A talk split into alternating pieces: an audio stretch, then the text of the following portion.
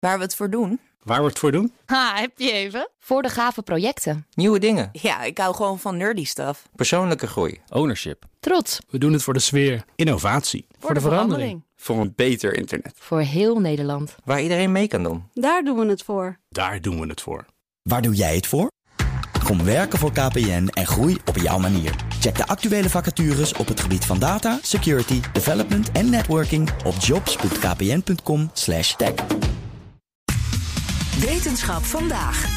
Een van de camera's van ruimtetelescoop Plato, een nieuwe exoplaneetjager die naar verwachting in 2026 de ruimte in zal gaan, die is succesvol getest in een speciaal daarvoor ontworpen ruimtesimulator. Wetenschapsredacteur Carlijn Meijers. Goedemiddag. Meinders. Ik zei Meijers.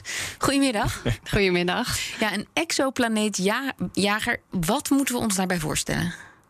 Exoplaneten uh, zijn planeten die draaien om een andere ster dan de zon. En Plato, vertelt systems engineer Wouter Lauwe van Esron, gaat specifiek naar aardachtige planeten kijken. Er zijn inmiddels al zo'n 5000 exoplaneten gevonden, maar de meeste daarvan die draaien vrij dicht rondom de zon en zijn of, of gasreuzen of anderszins niet geschikt uh, voor leven. En wij zoeken vooral, of gaan dus vooral op zoek naar planeten waar eventueel leven zou kunnen voorkomen. Dus die in de leefbare zon rondom een ster draaien.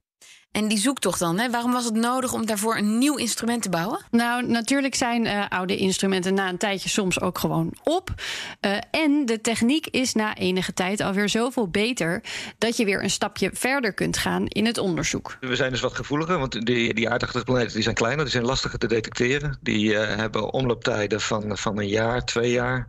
Dus je moet langdurig een ster in de gaten houden voordat je die planeet heel even kort voor die ster langs ziet flitsen. Want dat is de manier waarop we ze zien. Hè. We, we, kijken naar een ster en we zien die planeet precies voor de ster langs gaan. Dan krijg je een klein dipje in het sterlicht. En op die manier kunnen we planeten detecteren. Dus de eerste is, is dat we wat langer kijken. We, we kijken met, uh, met 24 camera's, het houden we het heelal in de gaten. Dus we zien een heel groot stuk van het heelal. En we gaan proberen zoveel mogelijk van deze aardachtige planeten in kaart te brengen. Ja, en die exoplaneetjager die kijkt dan vanuit de ruimte, toch? Niet vanaf de aarde. Klopt, ja. ja hij draait daar straks uh, met de aarde eigenlijk mee om de zon. En zit dan achter de aarde als het ware. En kijkt van de aarde weg het heelal in. Nou zitten er straks dus 24 camera's aan boord, zei hij net. Uh, daarvan uh, is het prototype nu klaar. maar voor je die dan vervolgens de ruimte inschiet, moeten die camera's gewoon heel erg goed worden getest. Dat hebben ze nu bij Esron in Nederland dus met één van die camera's gedaan. En om de juiste testen te kunnen doen moest er een nieuwe ruimtesimulator worden gebouwd. Niet makkelijk, überhaupt, om te bouwen, maar helemaal niet in een tijd waarin heel veel teams, ja, die moesten ook gewoon vanuit huis werken. Die konden niet samenkomen in het lab of aan de tekentafel. En er moesten heel veel dingen nieuw worden ontworpen. Dus dat was allemaal niet makkelijk, maar het is ze toch gelukt. En wat gebeurt er dan in zo'n simulator? Daarin uh, bootsen ze zo nauwkeurig mogelijk de omstandigheden in de ruimte na, waaronder de enorme kou op verschillende temperatuurniveaus en straling. Vacuüm, temperatuur en dan bieden we inderdaad uh, het sterlicht aan. En tenslotte moeten we die, camera heel nauwkeurig kunnen richten. Dus we hebben een, een, gimbal systeem gemaakt. We hebben die camera opgehangen op, waardoor we om twee assen kunnen draaien. En in alle richtingen kunnen laten kijken.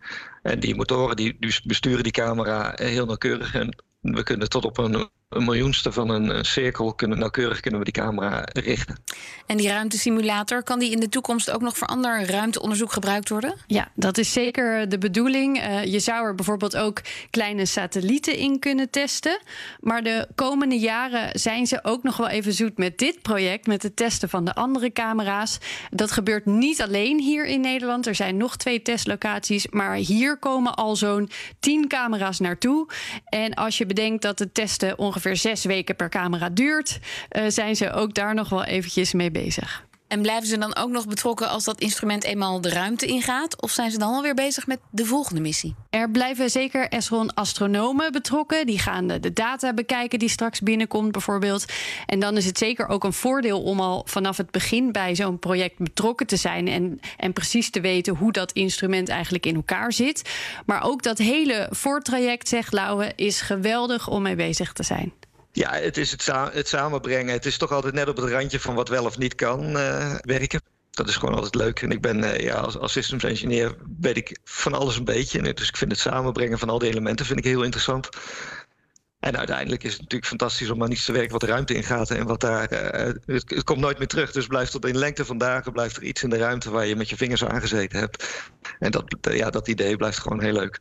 En dan uiteindelijk ook stiekem misschien aan beantwoorden de vraag of er ergens in het heelal ook leven is. En in 2026. Geen makkelijke vraag. Nee, maar in 2026 is het zover, dan gaat hij de ruimte in. Dat is de bedoeling, dat is altijd de planning. En je weet nooit of dat precies ook gaat gebeuren, maar dat is wel waar ze het streven is dat.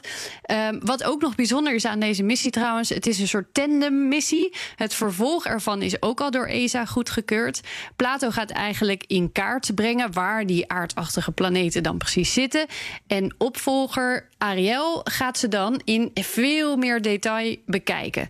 Dus uh, sowieso, eerst gaat Plato aan het werk. Daar gaan we nog veel over horen. Maar we weten dus ook al wat er daarna precies gaat gebeuren met wat Plato uiteindelijk vindt. Dankjewel, Carlijn.